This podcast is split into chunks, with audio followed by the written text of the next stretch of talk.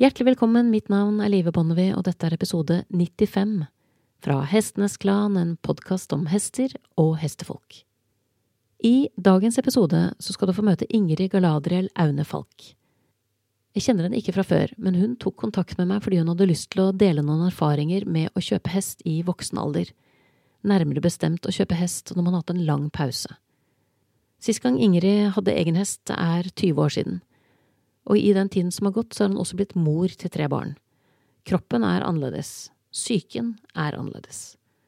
Men hestene er de samme.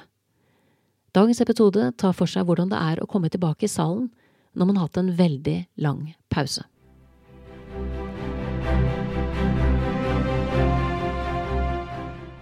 Velkommen til eh, podkasten min, Ingrid.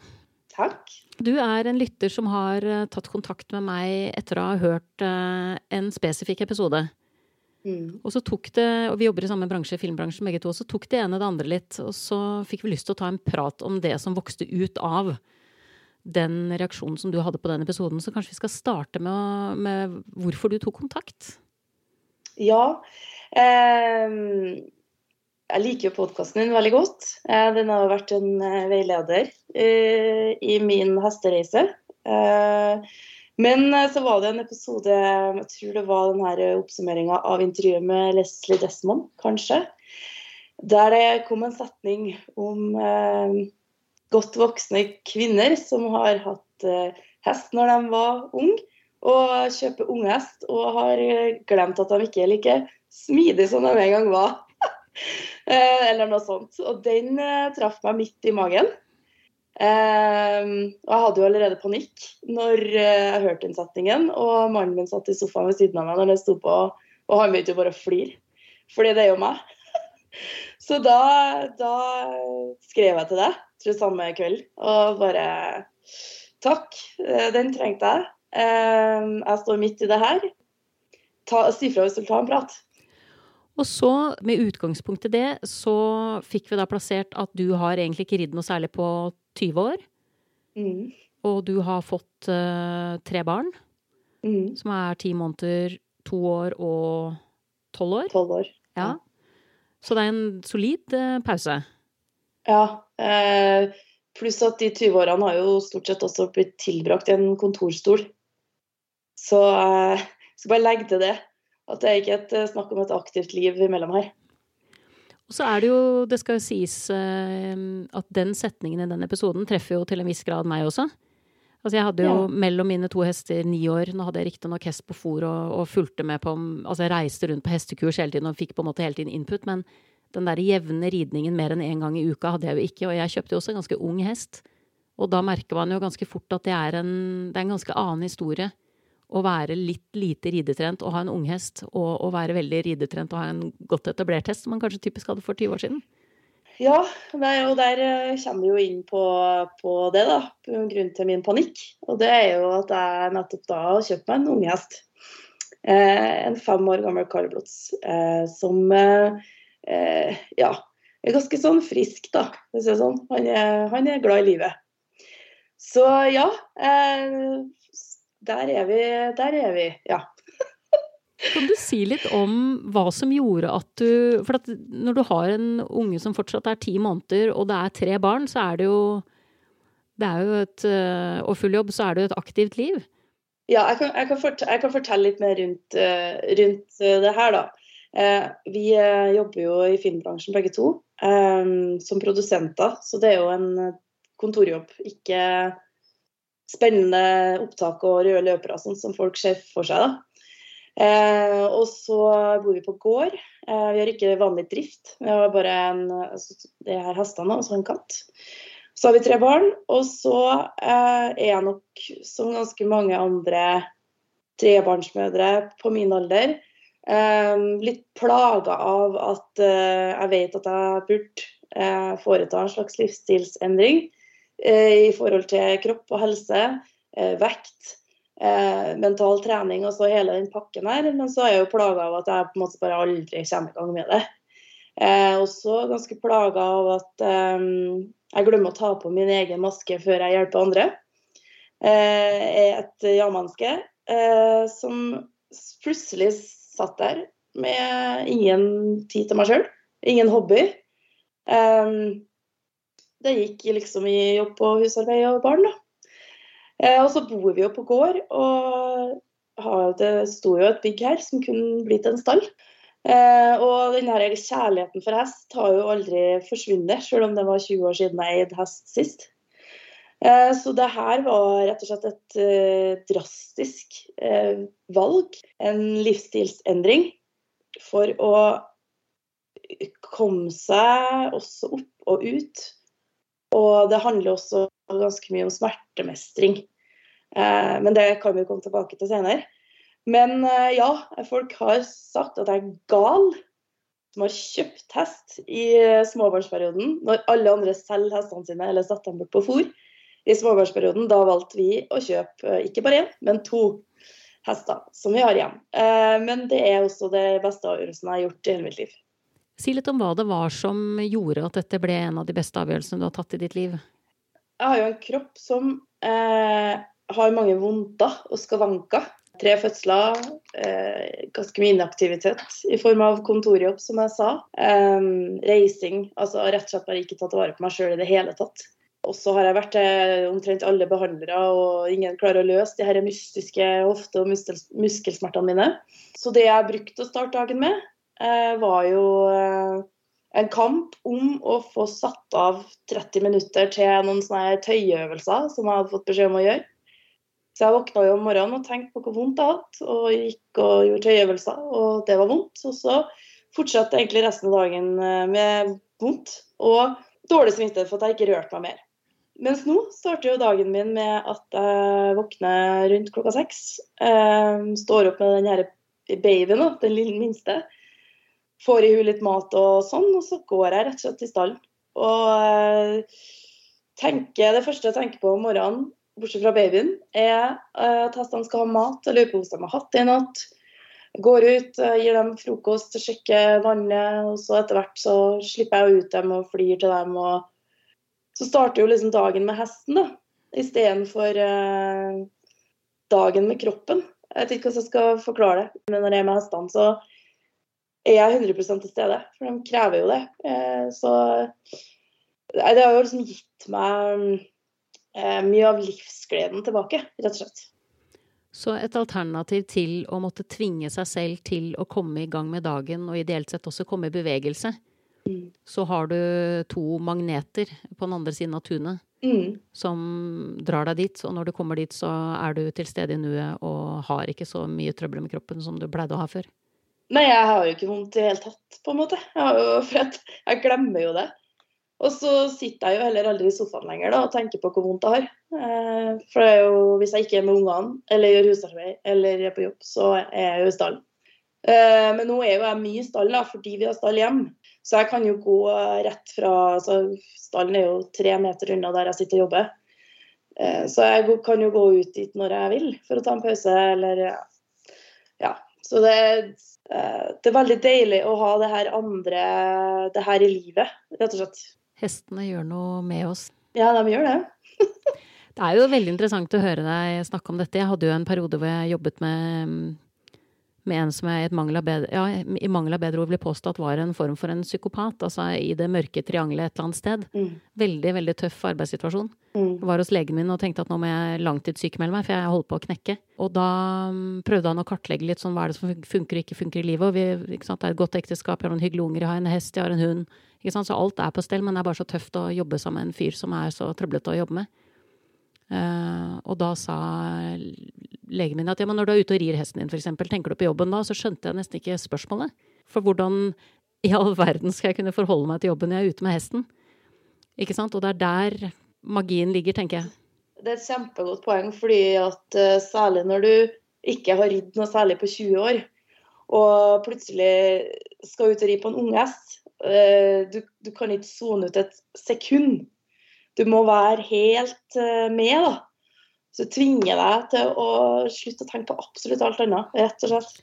Men når du så tar denne sjansen på å kjøpe da hest på et tidspunkt hvor alle syns at du er gæren Jeg syns ikke det, da. Jeg syns det er et veldig på alle måter fornuftig valg. Ja. Men eh, hvordan griper du det fatt? For at 20 år er en, en lang stund. Det er, jo, det er jo ikke som å starte på null, men det ligner jo en hel del. Så hvordan, hvordan kom du deg tilbake i salen på et vis? Nei, altså det er, det er å starte på null. Det, altså det er klart at Jeg har jo gått alle de her rideskolekursene og hadde jo egen hest og sånt. men Det er jo veldig lenge siden. Um, men jeg starta på null, både i forhold til fysikk. Uh, jeg er ikke, ikke overvektig, men jeg har noen kilo ekstra på rundt magen og sånt. Veldig lite muskler. Um, og alt det jeg uh, lært den gangen på ridekurs, er jo litt gammeldags. Det er det. Uh, den måten å ri hest på. Um, den hesten jeg hadde den gangen, var jo en helt annen hest. Jeg har jo etter hvert skjønt at han var forferdelig snill. Uh, og jeg var jo også veldig ung, fryktløs. Altså bare rett opp og rett fram. Og fant ikke meg i noe tull, liksom. Um, og alt annet som har med hest å gjøre, altså fôr, utstyr altså Det er ingenting som er det samme. Uh, men um, jeg var ikke sikker på om jeg var en kom til å bli en god hesteeier. Man er rundt og ser på hest, og så dømmer man hesten opp og ned. og ja, Jaså, jeg har hatt en betennelse i bakfoten for fem år siden. Ja, da kjøper vi den. Mens den hesten hadde jo aldri kjøpt meg. Altså aldri i verden. Er det det her jeg får, liksom? Eh, Så jeg starta i den fysiske enden. Eh, Og så starta jeg med å lese meg opp og, og lytte meg opp da, på alt som har med fôr og ja, det medisinske og alt det der å gjøre. Eh, Og så starta jeg med å bygge stallen. da. Det har jeg gjort sjøl. Og det var også en slags lakmustest for kroppen. Jeg skal legge til at jeg er veldig flink til å snekre, og er veldig glad i å snekre. Men jeg bygde jo stall i tre måneder før hestene kom. Og det hjalp meg jo tilbake i form, selvfølgelig, men det var også utrolig deilig. Fordi jeg visualiserte hele tida hvordan hverdagen skulle bli. Og jeg fikk lagt opp masse gode praktiske løsninger som gir mindre belastning på min kropp. Og som gir hestene et veldig godt liv når jeg ikke kanskje ha like mye energi en dag, da. Jeg vet ikke om du vil starte med kropp? jeg. Vi kan godt det. Nei, det er jo masse, masse um, Jeg er en fysioterapeut som um, heldigvis har hatt litt erfaring med hest. Så jeg fikk jo da noen tips til noen øvelser. Og det var veldig gøy, fordi det var ligna ikke på noen øvelser jeg har gjort før. Eh, blant annet en sånn ball, en sånn stor eh, hva heter det, Bosuball. Og en strikk og et balansebrett og eh, et uh, magebelte, som da egentlig er et stomibelte. Fordi jeg har delte magemuskler og eh, ja, sånn generelt Jeg har nettopp født mage. Um, og det er stomibeltet, og så hjalp veldig da, for å stramme opp uh, kjernemuskulatur. Uh, en liten ekstra støtte i noe man ikke har. Ja, for det er noe med å få kontakt igjen med disse musklene som man på en måte har mista litt. Mm. Og så kan jeg jo anbefale alle å trene med sånn her stomibelte, uansett egentlig. Men det var spesielt bra for meg i forhold til at jeg hadde konkrete øvelser som gikk på ridning, da. Eh, balanse og Ja, altså rett Jeg øvde på trav lettridning på ball, rett og slett. Og den her kom seg på hesten-situasjonen øvde jeg litt på. Eh, det er jo en eh, slags ninja-øvelse i seg sjøl. Eh, men ja. Så det var jo det fysiske, og det, det gjorde jeg vel egentlig nesten hver dag da, i de tre månedene jeg venta på at hestene skulle ankomme. For da har du fått et insentiv. Altså du har jo visst lenge at du hadde behov for å trene og komme i gang, men du har liksom fått en, har fått en god grunn da, til å ta tak i ting. Ja, det er jo en motivasjon uten sidestykke, da. Og det var jo ikke liksom at jeg skulle bli verdens beste rytter. Det er jo ikke det som er motivasjonen. Det er ikke at jeg skal inn i konkurranse. Det er jo punkt nummer én. Jeg vil ikke dø. punkt nummer to. Hesten min fortjener det. Hesten min fortjener en rytter som er litt lettere, som har grei balanse, og som heller ut i galopp i mer enn 100 meter. Altså, det, det var motivasjonen min. Um, ikke at jeg skulle se flott ut, eller at det skulle se flott ut, eller noe som helst. Det var bare rett og slett sikkerhet og eh, høflighet overfor hesten, vil jeg si. For det er jo noe med at det er veldig stor forskjell på å falle av når man er 17 år og ikke har noen å forsørge og passe på som trenger en, mm. og falle av når man er en, en trebarnsmor. Å, herregud. Ja. Det er to litt forskjellige Altså det kan jeg si, jeg har jo ikke tre barn, men to, men jeg har jo falt av etter at jeg kjøpte hest igjen i voksen alder etter ni års pause med egen hest. Uh, og har jo spyttet litt, både litt sand og litt gress, og litt snø faktisk, med den hesten jeg har nå. Og det, det, er noe helt annet å falle av nå enn det var da jeg var tolv, liksom. Da spratt man jo bare av som en sånn liten eh, laban-seigmann, eh, og så spratt man opp igjen. Mens nå treffer man, eh, nå treffer man bakken som om den var laget av betong, og, og med et smell. Og så, ja, så spretter man definitivt ikke opp igjen. Her hos oss er bare mannen min som har falt av ennå, da. Etter at hestene kom. Han rir, han òg. Eh, og det kjente han, ja. Han kjente det, ja, i et par dager. Eh, ja. men, eh, men eh, altså, det er jo Når jeg eh, fant Når jeg fant Tyrion, da, Tyrion som er navnet på han på fem, han Kalbrotsen, så var jeg jo og prøveridd han uh, der han sto, en time nord herfra ca. Og det var jo helt forferdelig. Uh, hun som har kjøpt den av, fantastisk forståelsesfullt, hyggelig menneske. Men da skulle jeg jo prøveri og satt meg på en hest som ikke klarte å stå i ro når jeg skulle på. Eh, og han var bare så utrolig glad for å få komme ut.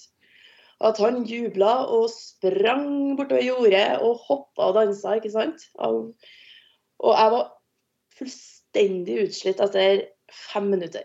Og det brant på sidene nedover leggene. Og der kunne jeg jo ha valgt eh, å tenke nei, nei, eh, jeg skal ikke kjøpe unghest. Jeg skal kjøpe to gamle hester som er skolert, og som eh, bare foretrekker skritt. Men så var det jo noe med den hesten. Eh, det var noe med han. Han var bare så interessert i meg. Eh, han var så åpen, og han var så glad i livet. At jeg tenkte at her har jeg noe å lære, liksom her, her er det masse å lære, og vi kan bli bra sammen. Og så er det han andre hesten, da, som er 22, eh, som eh, en helt annen type. Han er veldig skolert. Eh, vært hos samme eier i ti år før han kom til meg. Jeg var jo også nede, Han sto på Skedsmo, så jeg var nede der og, og, var en hel dag sammen med dem. Fantastiske folk. Eh, og han trengte jeg på en måte ikke å prøve i engang, for jeg så at uh, det her er Han er trygg. Han er trygg på seg sjøl, han vet hva han gjør. Og, og det har vært eh, både for at nå har jo da han på fem fått en slags støttekontakt i han på 22, som lærer han liksom hva som er skummelt og hva som ikke er skummelt. Og, og så lærer jo også han på 22 meg jeg har f.eks. ikke longert hest på 20 år. Det var veldig fint å begynne med en hest som kan det. Du beskrev det litt som da vi snakket sammen innledningsvis, eh, at når det er såpass lenge siden, så handler det mye om å gjøre ting sakte sammen. Alle har jo sånn, et sånt bilde av hva det er å ha hest, og hva man skal gjøre når man får den der hesten. Eh, om det er å galoppere gjennom en blomstereng, eller om det er å gå en tur med den, eller eh, hva er det som skal bli så fint, på en måte. Um, og for meg så var det jo f.eks. Eh, det å gå tur med hesten. På gåtur, leietur. Det var noe jeg hadde sett veldig mye fram til. Og det er jo fullt mulig med han på 22. Uh, eh, han har jo liksom gjort det før og koser seg med det. Mens det jeg oppdaga med en gang, er jo at den her på fem han har jo ingen selvtillit. Han er kjemperedd og ser ikke på meg som en trygghet og en støtte og, og jeg på en måte begynte med en gang å søke råd og hjelp da, til hvordan kan jeg få leid denne hesten på tur. Um, og jeg fikk masse råd. Uh, nei, det er kjetting. Du må ha kjetting i haka. Du må liksom bare sette den på plass. og Det føltes jo helt feil. Uh, og så skjønte jeg at det er jeg som går for fort fram. Han er ikke klar for å gå på tur ennå. Man tenker at det er så banalt, ikke sant? Du skal bare gå på tur. Men han var liksom ikke klar for det. Så vi har eh, gått eh, på tur, men vi går ti meter lenger bort fra gården hver dag. og så bruker vi veldig lang tid på å gå hjem. Eh, fordi det er jo det som er den største utfordringa. Da skal jo han hjem. Så det er med å gjøre ting veldig sakte og bryte ned ting til sånne bitte små elementer hele tida. Um, og prøve helt å forstå hvorfor han er, sier nei, da. Så det, det tar tid, og det, går sakte. Men så tenker jeg at for min del så har det også vært fint å ta det sakte. Det er ikke som at du må, må ri på tur på første date, altså hva jeg skal kalle det. så ja, gjør ting sakte, og ikke glem at hesten trenger den tida akkurat like mye som deg. da. Den er også redd. Eh, du er ny. Jeg tror faktisk jeg kanskje jeg bare er den andre rytteren han har hatt hele sitt liv. Det må ikke glemme det heller. Hva har vært de største overraskelsene med å kjøpe hest eh, som trebarnsmor i voksen alder? Um, kroppen min klarer mer enn jeg tror. Veldig mye mer enn jeg tror. Og jeg er mye sterkere enn jeg trodde. Og så vil jeg si at um, det å kjøpe hest i voksen alder, da, og få Du får en helt annen kontakt med dyret enn du hadde når du var liksom 15, da, som jeg var sist jeg eide hest. Uh, du har et helt annet fokus på velferden til hesten, på Jeg får så utrolig mye ut av alt det som er rundt, og ikke bare det med å sitte på. Altså sånn uh, jeg kan stå en time og bare stryke på han mens uh, han spiser, eller snakke med han, han, på 22 uh, øh, mens han spiser, eller bare børste dem, eller være sammen med dem. Og det, det har vært en overraskelse, sånn, for jeg trodde at i hodet mitt så så jeg for meg mer sånn fart og spenning, kanskje. Man er litt mer orientert mot, som du sier Jeg merket også det da jeg kjøpte hest igjen Altså mer orientert mot, mot velferd og relasjon? Ja, absolutt. Og også orientert mot seg sjøl. Hva er det jeg gjør feil? Hva er det liksom Det er ikke, ikke nødvendigvis hesten sin feil alltid. Det kan være deg. Vi snakka litt sånn innledningsvis om dette med kvinnehelse, og eh, det er jo interessant i forhold til fysikk at det er jo noen deler av kroppen som forandrer seg hele livet. Ørene vokser litt hele livet, nesen vokser litt hele livet, og en annen ting som vokser litt hele livet, er jo bekkenet. Og det forandrer seg også veldig mye i forbindelse med fødsel. Og det er klart, når det er 20 år siden du har ridd sist, så kan det hende at det blir vanskelig å svare på dette spørsmålet. Men denne endringen som på en måte da skjer i kroppen, som gjør en også til en annen rytter, har du kjent på det? Ja. det har jeg. Jeg sitter jo som Donald Duck, har jeg jo fått høre. Uh, Hvordan sitter Donald Duck? Jeg, jeg sitter med rumpa som Donald Duck, liksom. Ut med rumpa når jeg rir. Altså det og så liksom de, de, få som har sett Marie her, da, så vi, vi, møter jo ikke så veldig mange mennesker her vi bor. Men jeg har fått beskjed om på en måte, ikke sant, du må liksom trekke bekkenet innunder og eh, så, så, så, jeg kjenner på at det er fryktelig vanskelig å få på en måte, hva si, vridd bekkenet tilbake i den der posisjonen da, som liksom er en sånn god sits. Eh, og så er jo balansen er jo ganske uh, ute å kjøre. Eh, som gjør at jeg blir ganske anspent og redd og får en del sånn spenninger når jeg rir. da, at jeg, Fordi at begge hestene, både han på 22 og han på 5, eh, skvetter jo til litt av og til. Og de er litt sånn våken da, på tur. Um, så ja. Det har kommet noen sånne si, vridninger i hoft. Litt sånn som når du sklir på glattisen. Uh, som er ganske ubehagelig. Eh, som er nytt da, etter eh, tre fødsler. Eh, men jeg har liksom lært meg litt å jobbe rundt mine fysiske skavanker på et vis. Og også ikke gi opp når det skjer, da. Og akseptere at nå ble det vondt, og så må jeg kanskje ta det litt mer med ro i morgen. Men det er bare å fortsette fordi det blir ikke noe bedre uansett det her. Jeg blir ikke frisk av det her fordi det er bare kroppen min som har født tre barn.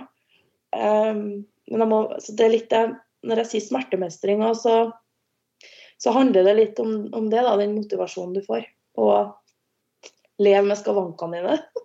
Og disse spenningene som du beskriver, hvordan, når det inntreffer når du sitter på hesteryggen, har du noen strategi eller noen på en måte taktikk eller måte å løse det på som hjelper deg til å slappe av igjen? Jeg har blitt veldig bevisst på tøylen, på hjelperne. Eh, jeg tenker jo sånn at hvis jeg blir anspent, så kjenner han den tøylen og munnen med en gang. Og det samme gjelder han på 22. ikke sant, At de, de plukker opp på det at jeg er nervøs og stressa, og jeg merker det at uh, desto mer stressa jeg er, desto mer stressa blir de. Um, så det er jo det er jo en pusten, da, uh, for å senke seg sjøl ned igjen. Og så har jeg jo sagt et par ganger høyt til begge to at uh, kjære du, jeg gjør så godt jeg kan. Jeg er ikke noen ekspert, men det her skal vi finne ut av sammen. Og det er akkurat som når jeg sier det høyt, altså, akkurat som at de hører meg. Og så går det litt bedre. ja.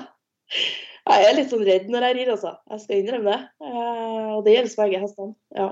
Handler det om den på et frykt man har for å falle som menneske, eller tenker du at det er andre ting? Ja, det, det, er jo til å falle av, og som du sier, ikke sant, at eh, hva gjør jeg hvis jeg bare, hvis jeg bare brekker en fot ikke sant, og blir satt ut og spiller på hjemmebane, så er jo det krise. Men jeg er jo også redd for at hesten skal skade seg oppi det hele. Hvis det skal skje et eller annet sånn eh, at den springer inn i noe eller snubler stubler ned i grøft eller et eller annet sånt. Uh, og så er jeg nok litt redd for sånn type vridninger i hofta. Eh, at det skal Ja, det skal bli vondt, rett og slett. Eh, men eh, det har gått bra så langt, altså. Jeg begynte jo faktisk med styrketrening for ca. et år siden. Jeg har aldri noensinne klart å motivere meg til det, men det er jo igjen da, selvfølgelig knytta til hesten når man da først får det til. Og man blir jo en helt annen rytter da. Ja, det, men det, det er sant. Det, altså. De øvelsene har jeg jo ikke slutta med. Uh, og det er jo masse Det finnes jo forskjellige faktisk folk som spesialiserer seg på uh, styrkeøvelser for ryttere. Det finnes en del kontoer på Instagram og sånn som går an å sjekke ut. da. Fordi det, det er Ja, det er veldig, veldig nyttig. I hvert fall min erfaring. Og jeg kommer ikke til å slutte med det, fordi det er ikke alle dager jeg rir. Eh, og stallarbeid og de fysiske tingene jeg gjør i stallen med høye og alt det her, eh, det er jo tungt i starten. Men nå er det jo ikke tungt lenger, fordi nå har jeg jo blitt sterkere. Eh, så man Ja.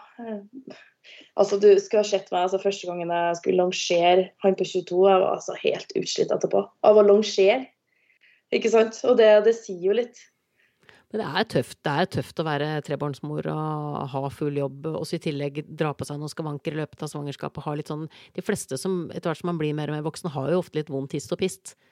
Ja. Ikke sant? Så, man, ja, så det er jo en, det er en veldig vanlig problemstilling, tenker jeg. Ja, det, det er nok det. Men altså, det er jo noe med å kjenne sin egen kropp, da, og så kjenne sine egne begrensninger, men ikke ta altfor mye hensyn til dem. Eh, fordi da blir man litt hemma òg. Det er jo forskjell på bevegelse som er bra for kroppen, eh, og sånne typer sånn slitasjeskader som oppstår f.eks. i den der vannsituasjonen i stallen. Da. Så alt det her vannet som skal overalt og sånt. Så jeg har jo lagt opp stallen som en liten MacGyver.